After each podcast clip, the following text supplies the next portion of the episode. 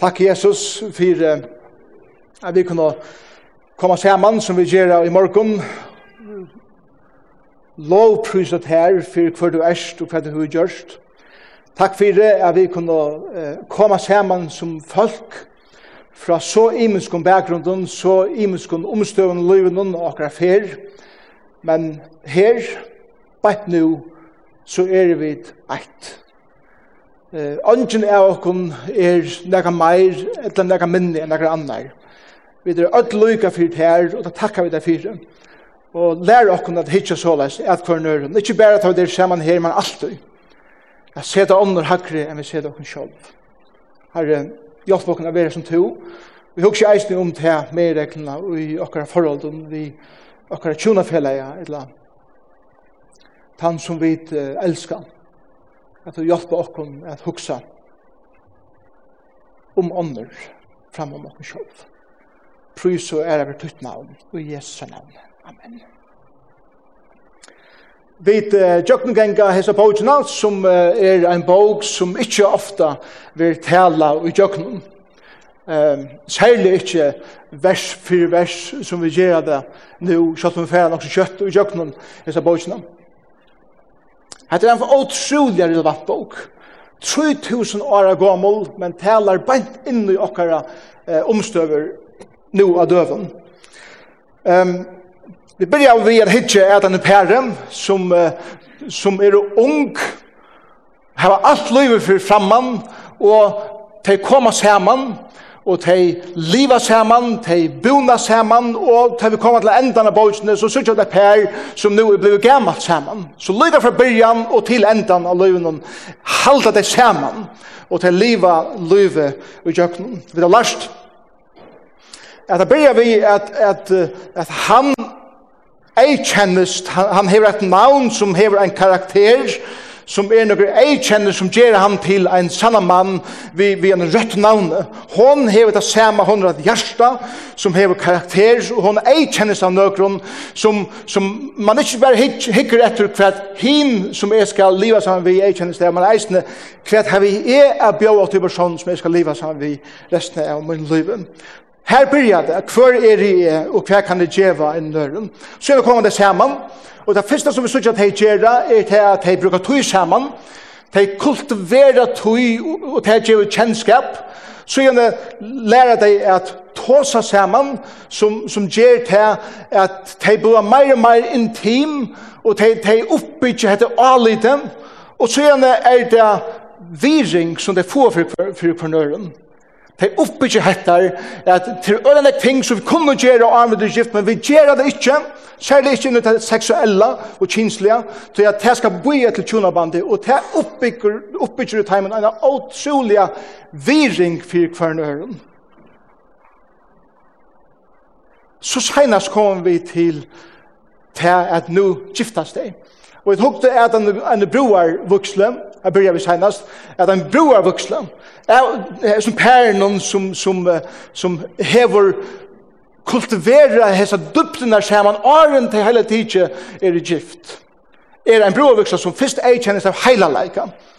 God er til stier, og det gjør en sottmåla, og i navnet færes til sånne sali andans, er at vi skulle halda saman alt livet, og vi binde dette saman fyrir Guds asjon og eisen asjon til menneskjen. Det var hatuja litt, det var habars litt, og så gjerne var det glede litt, at ta i det komme saman som kunne ødel gledast og fruast om til at de nu var kommet saman. Og så får vi fra broviksene, og vi var bojen inn i broar svitena, broar nottena, som, som gav okna mynd av intimiteten som de bytja upp saman som et pær. Som byrja i mira kjeng saman, men nu kjem det til, til sin ratt og blomstrar av fotlon som de koma saman eh, kjenslige og kjenslige broar nottena. Kjensliv og, og sensualliv intimiteter jeg kjennes det av av er romantiskur, det har senast. Romansan er en pastor av til at liva saman.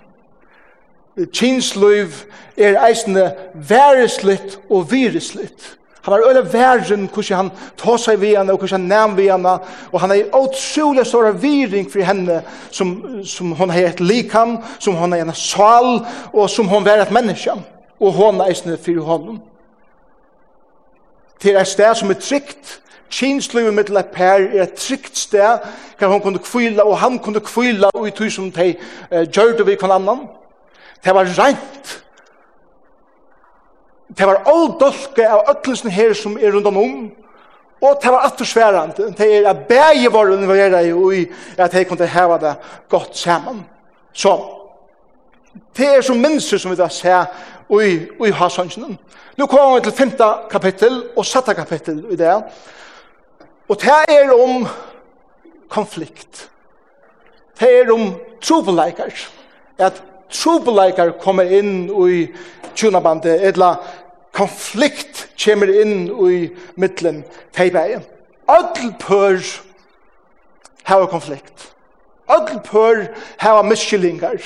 Öll pør hava tvidrott ui tjonabanden. Öll pør hava til at okkurs vir miskilt og til skapar en inspiration og hva gjør man fyrir at vi kunne komme vujari utan at vi bråta kvann annan nyur. Hvordan kunne vi komme vujari utan at bråta kvann annan nyur men heldur til fyrir eia bytja kvann annan upp. Det er det som er kapitlet i snurrsjon. Tvær kapitlar av Hasonsjonen er jo om til 25 prosent. Og anker har sagt at mulig til profetisk for en tjunabande, at 25 prosent av tjunabanden snur seg om at arbeid, eller lære at arbeid er en konflikt og miskyllingar og alle himmelske tingene som vi kommer i kjøkkenen. Jeg vet ikke om det er ikke noe vysen til litt prekva, men altså, det er bare nok stuttelig å huske det på at han matan, at det er Eh, konflikt som kommer opp. Det kan være over penger, det kan være over frytøy, det kan være over husarbeid hjemme, det kan være om badna oppæling, det kan være om svigerfar, svigermor, verforeldre. Ja, amen.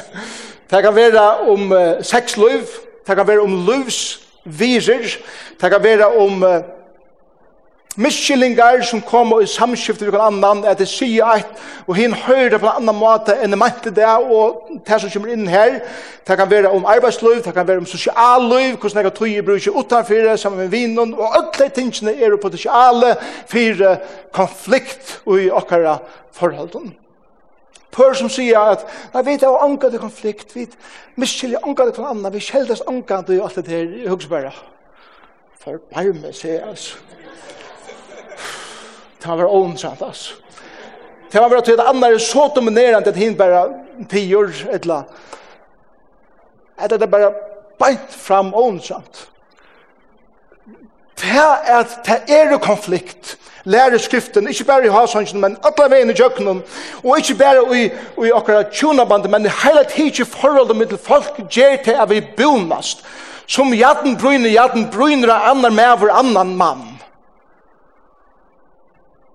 Da jeg gifte pør, så, så hava de ofta hese tru ljósene, hver tvei loa, ta i vuxna byrjar, og så ta de er vukt og alt det, så tega de ljósene og tendra til eina som er mynd av, nu blir det eit, og så gjør de det her, som man anker det damer det gjør, og det er blaset her ljósi ut, og det sløknar til nå er vi deit. Jeg er en bror til nå for noen vikker siden, og det som er så gjør det ut til talen var til at de hadde sløkt ljøsene, så tok jeg ljøsene til at han bav natter, og tente jeg det etter. Og jeg sier at dette er symbolet på at, at Ja, tid bliva eitt, og tid er nok til kun sjolv, men tan einleikjen som er nu i tjunabanden mittelen tikkun bæge, skal skapa og byrsta luiv og ljós og i tikkun attur som einstaklingar. Tid var stadvek tikkar meiningar, tid var stadvek tikkar bakgrunn, tid var stadvek tikkar luiv som einstaklingar, og einuk før som er einstaklingar, som hever meiningar og erfaringar i luivunum. For ikkje bare alltid sier vi hin, å, oh, nei, vi, vi er alltid samt pura rakkaua, ja, elskar jeg. Men han var alltid sørste året, og det er, jeg gav. Det fungerer ikke så leis. Tøy er det er konflikt, og det er tingene som kommer i livet til åkken, er vi til at bona åkken, og gjør åkken stersk, og gjør åkken djup, og gjør åkken til mennesker som hele tiden er til å leve sammen vi. Og det er det her som er her kapitlen for at, jeg viser åkken, konflikt og tvitrått og i per forholden i nekka som høyr heima. Gå pør, heva reinan og gåvan tvitrått. Ring pør, heva skittnan og tvittnan og nior brådande tvitrått. Gå pør, arbeida saman og finna en løsjon av konfliktene. Ring pør, arbeida og strujas fyrir at vinna konflikten. Og trusta hin nior. Gå pør visa bonaskap i tvidrotte. Ring pør visa sin obonaskap i tvidrotte. Gå pør kanna våpnene, er det ikke særa kvann annan. Ring pør de kvessa våpnene, er særa kvann annan i tvidrotte. De pør som då er best at han færre tvidrott, miskyldingar og så videre, er et pær som bestemmer seg at vi skulle løysa hetta saman Vi er et tøyme, til ungen vinnare det tapare, begge er vinnare her beint. Jeg har i jøkkenen årene, jeg har vært i herrens tjeneste og som pastor, har vi bøkstavlige eh, vedlagt og arbeidt vi hundra vis av pøren. Og jeg har sett og omreisende, vi har sett utrolig nekk hver pør er. Onkel du har vi sitte ved pøren, hver, hver det sitte og arbeid opp noen misjelingar eller et eller annet i tjonabanden, som er utrolig firmyndalit. Og i øreføren har jeg vært nødt til å ledja i middelen, altså, og, og bruka mine krefter å ledja i middelen, for at mævren ikke skulle smekka konene en framan nå.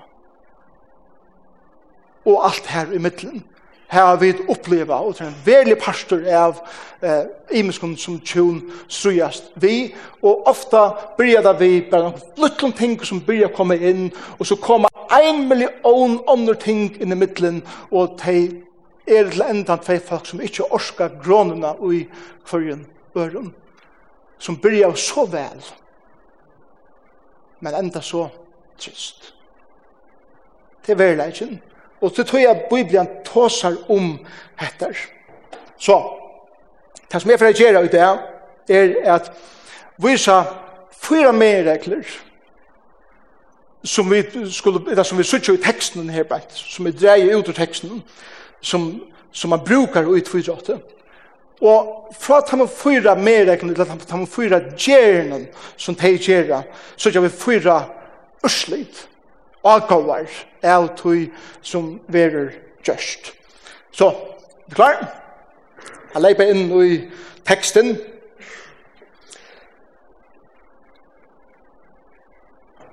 Jeg mener så vi Og i kapittel 2 sier hun, er du sjuk av karlæka? i kapitel 3 sier hun, jeg vil heve han inn i kameret ikke mammene. Og i kapitel 4 sier hun, kom norra vindur, kom sunna vindur. Og nå kommer vi til teksten i det, og hvis det er filmer, som jeg ofte bruker som myndene, så, så blir vi sena nå mysk, eh, broernotten er lio, og nå blir det løst atter, og nå er tøyen gingen, og løyver til heimene bryr saman, og nå er det tidsen inn i ena støve hver konflikt kommer inn i tæra liv, og hon veler i det jeg forteller så hender at det er mest hon som snakkar eller forteller i det. Så lag hun suttja sena. Vers 2 i kapittel 5. Jeg svev, men hjertet mot vakte. Det betyr, jeg svev, men han var vekjen. Hjertet mot, her sier han til Salomon. Høyr, ta bekkar vinen mun. Læt meg opp, siste mun, elskar jeg mun, dua mun, tu hin reina mun. Kan man atle her beint? Hvor, hvor kone hei ikke åpne opp til he hei sagt øtla sju årene, elskar jeg mun, dua mun, øtla sju her, tingene fyrir at, fyrir at komme inn til hennaren. Så sier han, «Tog høtt mot er fullt av døgg, det er som han svettar, lokka munner er nottar dråpen. Nævren har vært ute, lengre arbeidstaver, han har knokla, han har vært til arbeids, han har gjørst alle tingene som en maver skal gjøre, han har svetta, han kommer heim at han har lengan drikvan herran arbeidstav, og han gleder seg å komme heim til syna kone, at finna allt det som han har bruk för att finna till henne. Och nu bänkar han på henne kamer och kvärt man hon färra att göra. Det är att läsa. Vers 3. I Sverige er det färden ur kyrklen skal nu leda mig igen attur I har vaskat mig fötterna skal nu dolka där attur og hebraisk om tog hattar jeg høver på henne Det er åpne. Jeg leser om en mann, eller hørte om en mann som, som, uh, som heier en, uh, en eske av panodil i, i skuffene til hans, har vi nok på det. Nå går han, nei, jeg hører på henne, å, jeg har panodil, Og hun sier, jeg, jeg, jeg, jeg har sett ikke hva å være sammen ut her i kvöld. Jeg er mer viktig enn to. Jeg, jeg, jeg legger ikke ui hva du har svetta, og hva du har oppleva, og hva du har i i det. Og i det, i kvöld, vil jeg hava fri, fer vekk. Jeg vil ikke hava nega vi til at jeg i kvöld. Jeg tøymer ikke alle dem i ur at ur, og nok klar og noen dem i ui. Jeg tøymer ikke at dolka meg at ur, tøy at jeg er nu klar at herra ui sång. Og hun er ferdig ui sång. Så, hette er støvan som vi der ui, og til konflikt. Kvært fer han er gjera. Han kommer til henne og vil søke intimitet. Han hever sine likamlige og andalige og salalige tørver. og Han vil være som henne, men han er avvister. Hun sier, jeg er det mer viktig enn du, Jeg er mer om sjølvann enn du som det. Og i kveld, hva gjør han? Konflikt er kommet inn nå i tørre forhold. Det første med i reglene, så kjør vi i vers 3 og vers 4. Hon sier, jeg vaskar mer om føttene, skal nu dolka der atter. Vers 4. Vinen mun til Salomon, hon, hon snakkar. Vinen mun ratti håndene inn om lukene. Ta brusa i hjärsta mot i imot hånden. Jeg får a føtter a leida, leida vinen min opp, a leida vinen mun opp. Myrra drippa i av hånden mine, rennande myrra av fingrum mine. Myrra ta det nomo vi handfang lasens. Jeg let vine min opp, men vine min vær færin, horven. Jeg var framme var jeg åren hans her. Jeg leite etter honom, men fann han ikke. Jeg røpte etter honom, men han sverre jeg mer ikke. Legg meg ikke til vers 4. Vine min rette håndene inn om lukene. Så mynden har vært i et eller annet at Horen ikke blir løst. På akkurat måte er, er han sloppen inn om. Og til hånden som kommer alle det opp, skal tege lase, så er det dekka vi myrra. Hva er det til? Til hans er måte at reagere på. Hvordan kunne han ha reagere? Han kunne ha sagt til Oliver og Tås, er du ikke klar at det er kongeren? Er du ikke klar over at alt tøyt hever du finnes fra mer. Er du ikke klar over at du var en ganske myndelig bøndagenta som ikke gong hei arbeid og jeg vil give deg alt dette her, syrg fyrir og let meg opp. Det kunne han ha gjørst. Han er smurst håndtagje vi myrra. Hva betyr det? Rent poetisk. Det betyr det at han hever myrra er en mynd av karlægam og til stegi som separerer i deg, altså laset, hon teker laset, det som separerer i deg, hever hans smurst vi karlaika.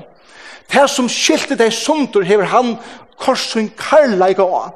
Det første med reglan og i tvidrott er hendan, to mot reagerar ikkje. Ta onkur reagerar mot det her.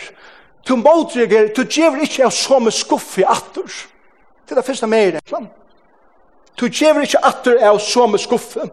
Um, til flere måter vi kunne gjøre til at jeg var med skuffe. Jeg kaller det for åra kviting. Det er at man blir råpa til hver kvarnøren. Du skal Du skal alltid, ja, men du skal ånga du, ja, men du skal, og så, så blir det åari, og åari, og det blir bare ved at det er sant å råpa til hverandre høren. At Anna er nyrgjering, og til at han kunne godt ha tala nyr og anna, og nyr gjørst henne, bare hvordan sa ut, og hvordan er, og hva den bytla seg inn, og trusht henne nyr på tannmaten. At Anna er at lukka av, bare at smekk horen at du rymma, ja, ok, jeg fornærmer.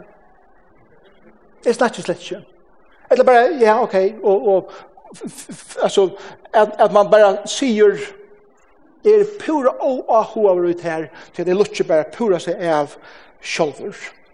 Prep kanningar visa att ha i konflikter eh er og, så er det øyelig ofta kvinnan som fer og vil løysa konfliktene. Og med en følelse som var sikna verden lemmer for fri, blir vi ikke vi og juka Det kunne menn føle vi først. Det er menga seg akkurat her. Men kan dere vise at det er ikke maveren som konan er ute etter. Det som konan er ute etter er å få mer intimitet ved mannen. Og det fer man ved at arbeid i kjøkken og løse trobeleikar. Maveren, han renner undan, og, og, og kona sier, maveren luster ikke etter meg, han, han, han rymmer bare fra meg til vi snakke om stingene, og han vil være irriteret over til vi snakker om stingene. Men det er ikke konan maveren renner han. det er konflikt i henne lund. Det er godt å vite, til kvinner, til menn i flutja, så er det ofte til jeg vil ikke tåre at feisa trobeleikene, men vil jeg gjerne ha intimitet vi okkara koner. Jeg elsker det her, han legger ikke trusht av henne. Han viser en stor avviring. Han truster ikke horen inn. Han sitter ikke fyrir krympra tjei troi som sier Mæveren gjer kone skilder sina som er 16 kona mannen Kona ræver ikke sin egna lika med menn mæveren Hatter ikke å fyrir okkur menn i måter okkara konen Han truster ikke horene inn i elses av myndene og jobbenberingen tror av Jesu. Han stender vid dittene og benkar på og bøyer etter at han leder seg opp. Han truster ikke ikke inn i løyve tja følelse. Og så lett reagerer han eisene. Lase som helt han ut i det som skilte deg sundur, smurte han vi karlægan og vi viring. Du sverar ikke atter på samme måte som han eller hon sverar i ter atter. Du leder du ui annerleis. Har du løyva føla at du er over, og, og at du føler det irritera igjen? Ja, det har du. Absolutt. Har du løyv at sia fra hva du huksar og hva du føler? Ja, det har du. Absolutt løyv at gjøre. Har du løyv av samter? Ja, til du eisne. Men du gjerst på han matan som Salomon gjør det. det. Og det er til at du motreagerer ikke. Men du gjev det iver til god. Salomon kunne du spørst ham.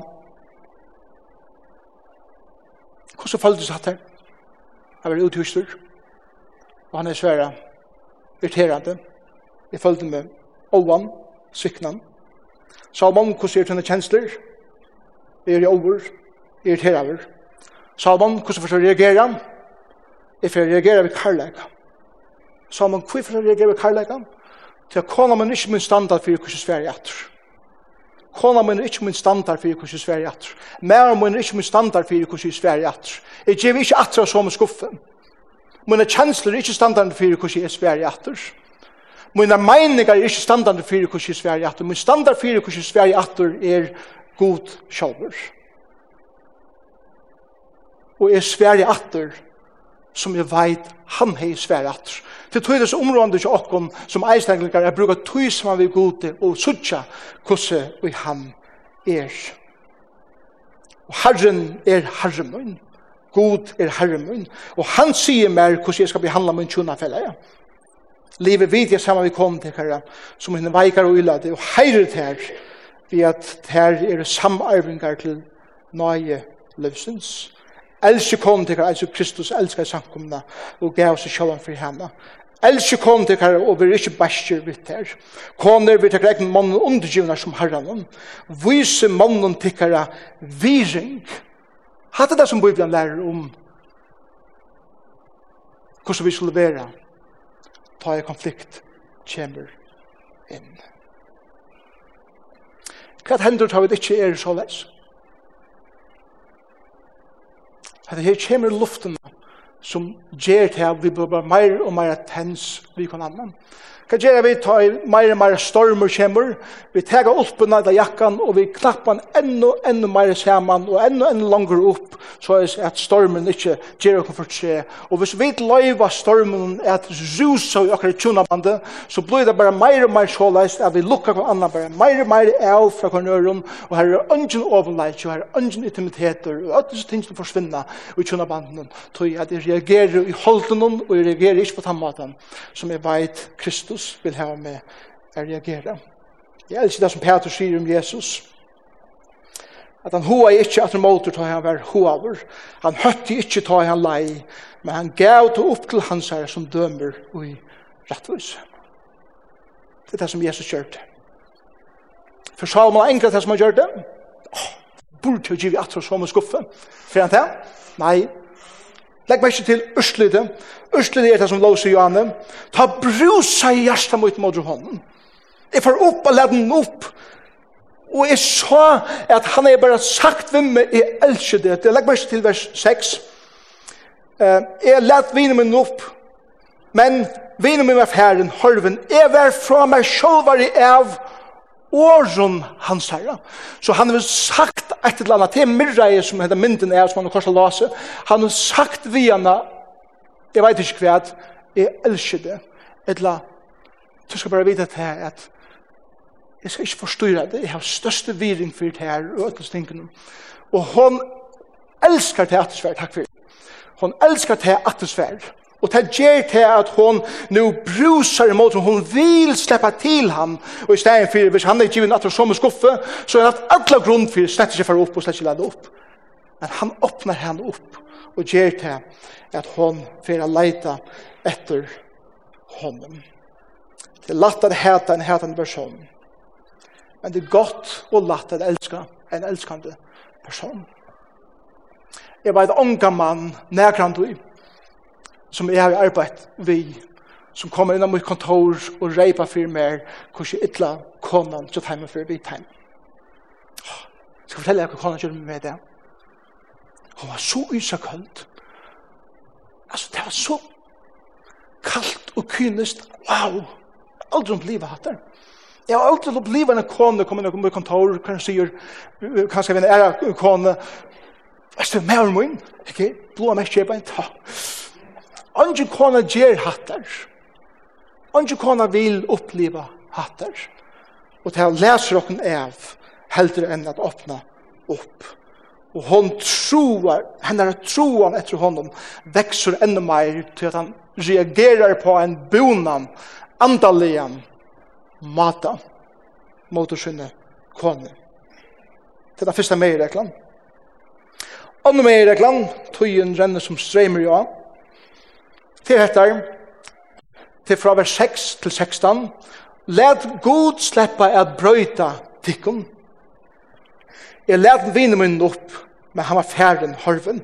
Så er det vers 6, vaktarne som genga om i stenen hittu meg, tar slå meg, sartu meg, tar tog slør i av meg, vaktarne og muren.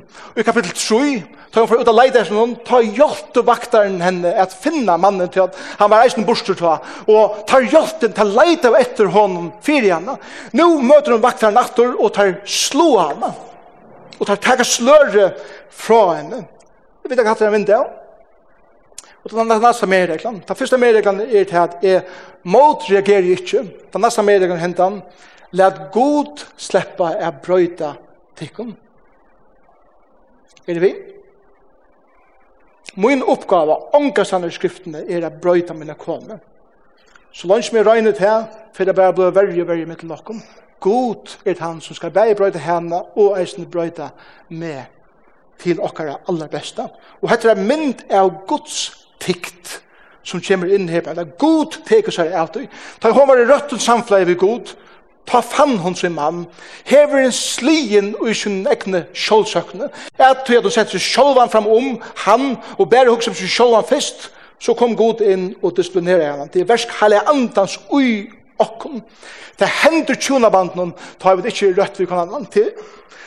Det kommer fire nekrafer, kjamer. For jeg er en et herlig her som morgen. Et eller annet er hent i vikskiften med meg om, og, og er kanskje blir fornærmet, eller hon fornærmet, og vi har ikke snakket sammen, og så vi gjør det, Og jeg vet, jeg er sunne morgen, klokken eh, halvgen 11, skal jeg trakke en talerstolen, og jeg vet at jeg kan ikke trakke en talerstolen hvis jeg, min forhold med kone ikke var plass, og, alt, og jeg vil nøytter affære enten leierkvalitet eller tullig sunne morgen og sier, og gå, jeg vil virkelig bli en fyrkjøring. Så sier hun, ah, Ja, du skal tale noen timer, det er nok tid til å bli en fyrsøk. Det er så mange jeg har siden i kontoren som er. Og jeg har sagt et eller annet stingende, eller, eller jeg har reageret på en skrevet måte, jeg har givet jeg så mye skuff i atter. Og så skal jeg se dem nye fire jeg kan fortelle, og så blir det. Og hele anden har simpelthen ikke givet meg fri. Han tykta meg. Og han sier ikke fire at jeg ikke får i vårt ord, og at mine kjensler er å tvista jeg i meg, og jeg er anspent på alle mulige måter, så han sier meg, og han prikker meg ikke, fær atter til tunne kåne, og få hattar, og rattle, som hendte i middeltikken. Og ikke for finne gjerst her, slipper to, vi gjør. Hvis jeg ikke gjør det her, Og jeg ser etter så sånn mannen og eisen kvinnen, og ikke gjør det, og hvis jeg velger at herre meg, så kommer et le av stein hjärsta, atter om en av mitt hjärsta, og jeg blir kaldare, og jeg blir herre, inntil alle kjensler og alt det her er bort. Og så sånn før er det her. Jeg siterer i Peter og Janne som tar seg om et her, at, at livet heirer koner dykkare. Live vid jeg saman vidt heimann.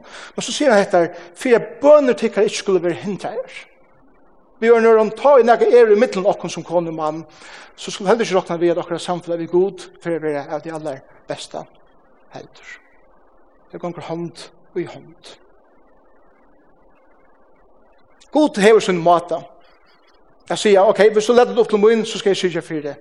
Dette er rettet en ordentlig god en som hørte en for det var um, en maver som uh, som var sammen med konen sinne og til sluttfæra i, i uh, et brittlepp av leier kvöld og hon hei tidsen fyna kjola fram og han, han sier vi henne uh, kan så kare lyla seg opp at han fyrir fyrir fyrir opp. Og han kommer og teker lyla seg og så fyrir han spæra sin vien og gjør og lyla seg brottnar.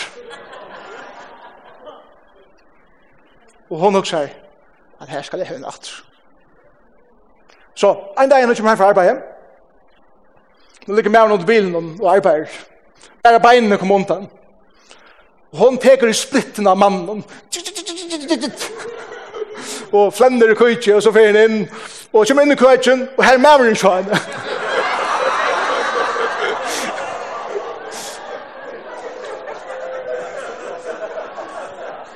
Og hun sier, Hva kjørs du her?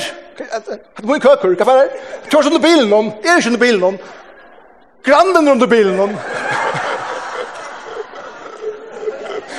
Og sier, åh, jeg har problemer vi, vi utsøtten, og grannene kommer komme at, at, at, at fiksa utsøtten. Hva feiler? Nei, jeg tar ikke splittet av noen. Og han sier, åh, nei, åh, nei, vi må få ut. Jeg snakker vi igjen.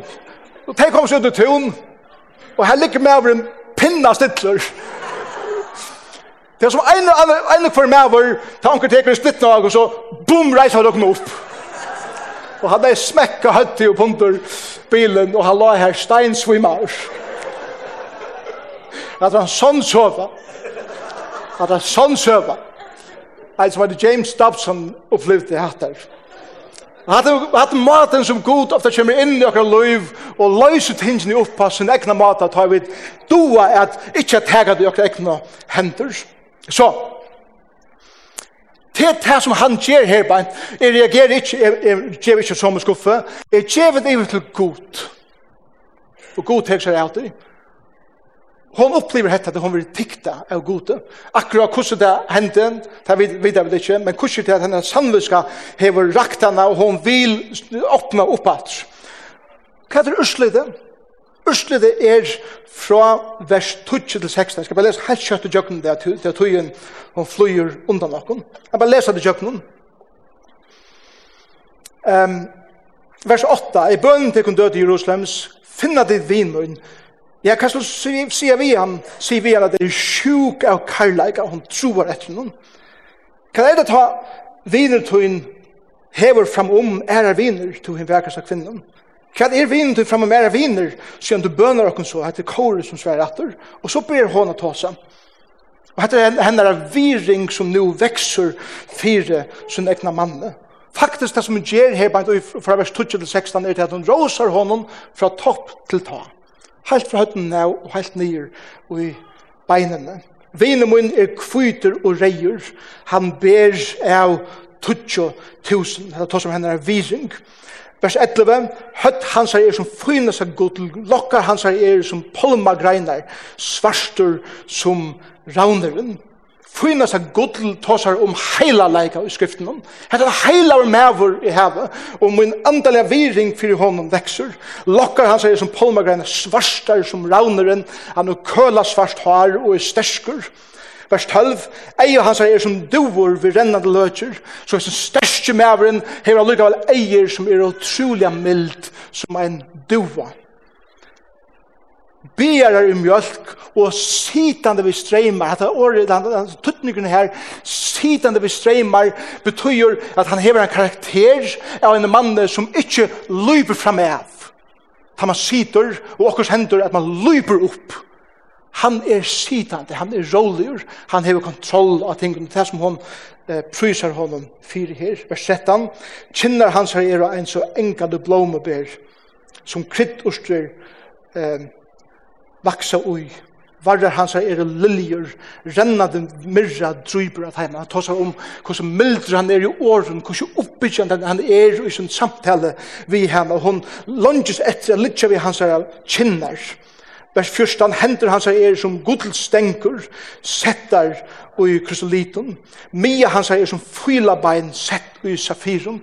Tossar om hans er styrke, at han er stabiler med over her bein. Fyla bein, og alle disse mynd, myndene er av noe som er størst. Vers 15, bein hans er marmorstøppar, av støppene finnes av gudlen, at det er stabiliteter i sånne beinen, som lipanen er en av suttje at prover som særlig stræl. Så gjør er viringen som er kona her for mannen. En, en utrolig viring er oppbyggt her, tror jeg til som maveren er så utrolig gåver vi henne. Mor hans er søter, og han er indesliver, atler som han er. Det er menn, det er fantastisk han. Han er fantastisk, atler som han er, öll aspekter av hans er løyve, Fai er meira meira viring, fire. Til unge jenter, som ikke er gifter enn, hatte mævren, eller hatte slæge av mannen som til skulle leita etter. Lær jeg hans versen utan et. Hatte det som til leita etter. Så er vinen min, ja, så er elskar i min, til døter Jerusalems. Tre av mer reglan. Og til kapittel 6. Hver er vinen min færen, to him verkast av kvinnen, eller hver viner tøyn færen, nu er det kåre som synker, tøyn vekser kvinnen. Hver lei hev inn tøyn tidsje, vi skal leita etter hånden vi tær. Og så kommer det vers 2. Hon sverar, viner mun i færen oman i Osla Gersøyn. Til hina engande blåmenar er rødja fylgjes ut i Osla Gørnen og at henta lelljur Hon veit hver han er. Hon veit at Han er ikke stunden av bare ångstander. Hun vei, jeg vet hver han fer, da en konflikt kommer inn med lokken, jeg vet hva jeg skal finne ham. Hun vet hver han er, til hun vet hver han er. Han har den karakteren som jeg kan lytte av. Og så tar han her om, om blomobær som er det søte, om felger som tar seg om det milda, om liljer som tar seg om det vekra. Og så begynner han samtala i mittlen deg. Og den tredje med reglan, vær åpen vær åpen for samskift. Fyrsta mer reglan, ikke måltreagera, ikke gjøre atra som skuffe. Nummer 2, gjør det til god er brøyda dekken. Nummer 3, vær åpen for samskifte, at tåsa og jøkken til konfliktene som tid heva. Og han er her, og han er til å finne, og han, eh, han er mildur, han er klar at tåsa, og han vil høyre henne tåsa så sier hun i vers 3, og etter ørstiden så blir han jo. Jeg tilhører vinemunnen, og vinemunnen tilhører mer. Han som røkter fylkje sutt i mittlen liljer. Jeg tilhører vinemunnen, og vinemunnen tilhører mer. Jeg forteller ikke alt litt av søve. Eh, under jeg var gift den 3. august 1991. Så tok vi det ringe på han, vi tar tidsi en annan ring på. Og og her så ringen stenter av hebraiskum. Jeg tilhøyre vinemunnen, og vinemunnen tilhører mer. Og når jeg var i Israel, apostkom, vi får opp på Masata, og Og vi tar det av til åren, jeg vet vil jeg bruke hese her feriene, eller henne turen, eisende å finne et sted og en løte hva vi halka okken til hver annan enn nødgjum. Vi bestemmer på å gå med sammen. Og Pjama Sata, ut i øyemørsene i Jerusalem, her som ønske vekser, her som det er torst, her kom vi forbi et lydet tre som vaksberg ut ur som bera kletten om, og det var tørner. Det var det treet som tørner som Jesus var krunder vi, eh, som, som vi stekka av vi, og vi brod denne grein av i, og her tog vi ringene fram, og vi satt vi på en annan, du er min beste viner, og jeg vil bruka resten av min liv saman vidt her. Amen. Fantastiskt. Det er det som hender her beint. Ta vi dere åpen for samskiftet. Ta vi dere åpen for at jeg vil høre. bare hva to hukser, og eisen at vi er åpen for at jeg eisen har feiler, og er åpen for høyre teir eisen. Hva hender? Ørste det er at alle til å kan annan vekser. Og det er kommet her tid for at jeg kaller hva annan for viner, Jeg mener, det er så nekk pør som vi tar seg ved, som sier, ja, jeg skifter kona min, eller skifter mannen min, men mer da han vel bruker å tog seg munnen vinen. Og det er ikke gærlig at jeg har viner og alt det, utenfor min tjona band, det er jeg vet heva, men min tjona fela jeg eier av min beste viner. Og det er det som de heva herbeint. Og alle det vekser, og de er beste viner, og de tårer viner, tåsa saman om hva det er som røres i middelen deg. Det er fyra høvesevner som er trobleikar, det er trobla tåsa om i tjunabanden. Det første er samskifte, bare at jeg hele tiden at læra tåsa endelige, og at vi tria nivån, det første nivået, det snakkar vi det nå går jeg med på gjør ja, jeg har gjort leksjer, ja, bøtten har gjort leksjer, hvordan er det det finnes i slæ? Og til det første leie av samskifte. Det andre leie er for å synde gypere, nå kan vi hele det, man lurer synder, men det tredje leie av samskifte er at det er leie som teg tå seg hebant, hva det er for å djupt nere kjenslene, og tåre at sia ting som virkelig kostar dem å sia, og det er så få pør som kommer her til, og det er strøyast til svekna. Det er nummer ett. Så er det penger, som er trobult, sexlivet er det tredje, og det fjorda er svigerfar og svigermor og den vikkaja familien og alle tingene som her vi til er gjerne. Hvordan samskifter man og gjør noen til dømes til tingene? La meg gjøre det bare en sjådan liste her, bare et andre tale, et andre seminar, men bare helt sjådan liste om hvordan vi tåsa og om hvordan vi lusta. Nummer 1, du tåsa ikke herlige, og du råpar ikke etter den tjona fellere. Årtøkken sier at han i hermalter signar visen ørla måttene, og skal være råkna som en ildbøn. Og så råper etter denne personen, lukka mykje nær det er, så vil det tidsi ytla. Det hjelper omkant å råpa etter denne personen, og ta seg herlig. Nummer 2, tretast ikkje. Jeg mener, vi vet videre einstaklingar. Du kan ikke råkna vi at, at kona kjøy eller mæren kjøy kjøy kjøy kjøy å, kjøy kjøy kjøy kjøy kjøy kjøy Til Summa typer er det så jeg sier, ja, det er funnet, ja. Er det typer til at det hever en mening, sier jeg, ok, det er tog mening, men jeg har ikke min mening. Og, og, og, men ikke ferdig ut i det her at tredje med det for nøren, nummer tre, ikke røy man. Ikke bare ferdig sted og klamse horen natter, og hinn sender her, akkurat sier akkurat, hva blir det her? Ikke røy man. Ikke slætre for i øren, ikke færre ut til ånder og slætre om det som de strujas vi. Ikke bruker å høvest likamsmål, kan du bare kan fingrene i øyre eller et eller annet, ta kona rønner og samskifte vitt dem. Ikke ha et body language som bare avviser. Ikke tale et tjuna fyrir allment. Det ringast er sutja er allment ut i ångstan her, at en maver nye gjer sinne kone, eller kona nye gjer sinne mann, framanfyrir, sin mann, framanfyrir, at møvlen, øren, fælk. Ikke gjerra at det. Ikke misbruka bøttene. Ikke hala bøttene inn i middelen. Josef, kom her, helst mamma og alt så leis. Gjøres, kom her, helst papen og drøyer. Ikke misbruka bøttene på handa maten. Det gjør vi ikke. Si ikke alt du og omkant Du skal alltid være så leis. Omkantid så gjørst hva det her. Det passer ikke. Ikke si, ikke bruka seg årene alltid og omkantid. Ikke gjøre søveligjør.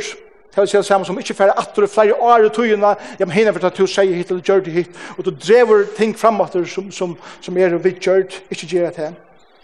Ikke røyne vinna, ikke blanda familien og pøy, mamma tøyen, hun er, ja, pappa tøyen, han er, og så videre.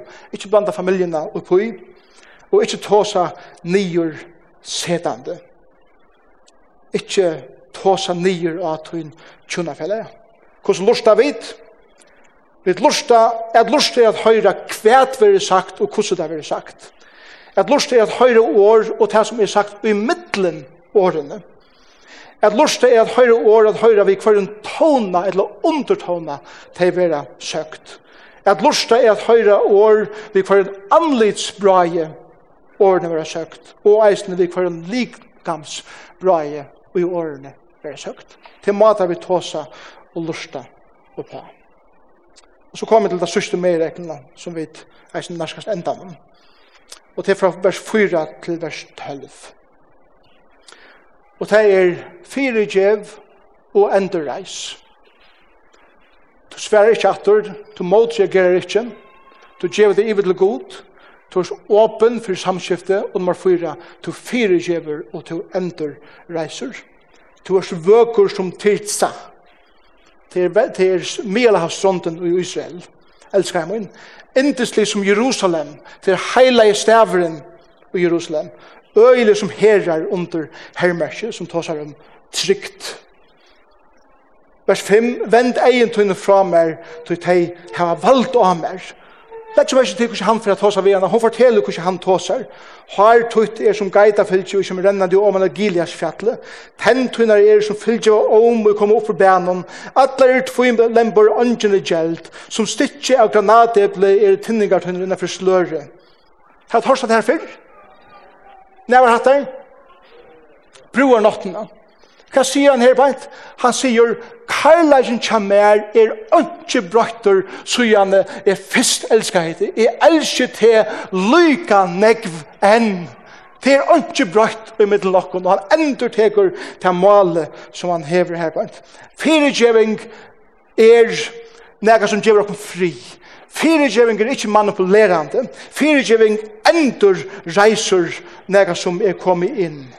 Og fyregjeving er heirar. Legg meg til vers 12. Årene visste jeg av, sette salen min mig opp, og i vagnar høvdinga folks munns. Hatta er så utrolig viktig vers. Jeg leib hinn om fyrir jeg kom ned hatta versen. Og til dette, ta i tore setter inn i vagnen som høvdinga, så er det som at kongeren djevet her likland til sutt rujtje. Og det som hon opplever her er til at hon vil heira enda meir av honom. Han, han ber ønske ag, ongan bæsleika, og han seter han enda hagre enn hon vær åren. til det som hender i hessen her eh, sørste versen her bænt. Vent her og vers 13. Vendar av Sulamit. Vendar av, vendar og så vidt få se til. Hette er Ørslit. Sulamit er kventkins året for Salomon. Sulamit er et, er et pettår, kan man godt si. Kom her, Sulamit, eller kom her Salomon sa, eller kom her Jekvan sa, jeg kunne sagt vi om. Det er at man brukar så personligt år at, at Hon skal føles som en parst av mer. Det er det første som han sier. Men hva er røst det? Legg meg ikke til. Hva vil jeg til sudja av sola mitt? Og så enda kapitlet vil sier dans som ui mahanayim. Dans som ui mahanayim. Hva er det her? Og til røst det. Til heter mahanayim. Mahanayim vi heldig å være stegen her som god åpenberer seg for Jakob ta han flytter undan Esau. Er Guds nerver er til stier da han drømte og det som han sier her er til at ta ut heva lærst at arbeid og jøkken konflikt så er Guds nerver til stier God er kommet nær. Og hva gjør det? De danser sammen Han bjør henne til en dans, hon bjør henne til en dans. De danser i, i, i stevet sammen, de har funnet einleikene, de har funnet stevet sammen. fyrirgjevingen er kommet inn, endurreisning er kommet inn, enda endamali er kommet av nudgen 18 tæra loiv, og nå er god her til stier og tar av liv, og sikna deg og sier, danse, gledest, tog jeg at ta vi lære at arbeid i kjøkken konflikt, og vi kommer vel ut av det jøkken der, så gjør det akkurat forhold gypre, og vi får større og større viring fire hverjum øren. Så la meg enda. Kære maver og kære kone, La dere omgående gløyma hvordan jeg videre fire given. Vi var syndere som var ætskilder fra gode. Jesus Kristus er kommet inn i sitt liv, og han er fire givet her. Han har lytt opp på et hakre plan i løyve. liv. Han givet det av et løyve, han omfavnet til, han elsker til. Tess meira vi for å sutja hos nek vi det fyrirgivin og hos nek vi det elskar jeg gode, tess lattare fyrir a vera til okkon er fyrirgiva øren og er fyrirgiva okkara tjunar felaja, ta i imist er kommet inn. Legg meg til, er som er viktig for meg å si Arne ende, her tås jeg om ganska amyndelig gemen gerandes ting, karfirigeving og alt det kommer inn beina veien. Jeg vet at andre tala er om at det er jo nekv ting som kunne komme i nokre tjonabond, kar nekv meir enn hesa meireglene er galdande. Og det kan være misbruk, og det kan være budging, og det kan være åtruskaper, og alt det tingene inn, kom inn her bein som, som, som, som man teker disse enn og gypre, men talan det er om de vanlige tingene i vår løyve som koma inn, og ta er vi alltid klar til at ikkje sver atur, at djeva det er god, at være åpen for samskifte og vilja fyrirgjeva og eisne endur reitsa. Så heimearbeidet hessa vikina til hettar. Til anker konflikt mittel meon, mittel tikkon, som er kommet inn, som til vita at hit var ikke ordentlig vidgjørst til enn. Eller til det var svære skreft atter, eller vidgjørst av skrevan hatt. Hesa vikene. Det som skilde ikke konflikten, prøv smirt her vi myrra hesa vikene. Smirt her vi karlæga. Svære atter karlægsfullt. Gjev det evil god, heldur han tegat den egnen hendur. Vær åpen for samskiftet vi er over for fire 24 endreisa, og vi er god for å gjøre, vi tekker forhold som er per, som beste viner. Så neste fer, vi er det sørste talen i røyene, og det handlar om at du er gammel sammen, som Arne Genka. Hva hender om du er gammel? Det finner du til neste søndagmorgen. Da man tar Arne færre, og Arne blir å komme, og løyve gonger. Herre Jesus, takk fyrir tøyt år. Takk fyrir at du er underfått til god, det fylgjøs vi. Takk fyrir at du sverar ikke åkne og som skuffe, ta vid særa til. Du smir det som skiler okkur sunt og vi myrra, og du teskar okkur øyre. Jeg elsker til. Du kommer inn, og du skaper ui okkur en enda større langslettet her. Du er alltid åpen og høyre okkur tala vi til. Du kan mykje kvæt. Du er alltid klar av fyrirgjøa og endurreisa, og litt okkur enda hakre enn vi våre fyrr. Prøys og ære vi tutt heilige navn fyrt her. Og hjelp okken av er som to, at her kan jeg mer reglene der. Inni okker egne tjonabond, og oppleve seg ursløyden som gjør til at okker forhold blir gypre og gypre vi kan annan. Og i Jesu navn. Amen.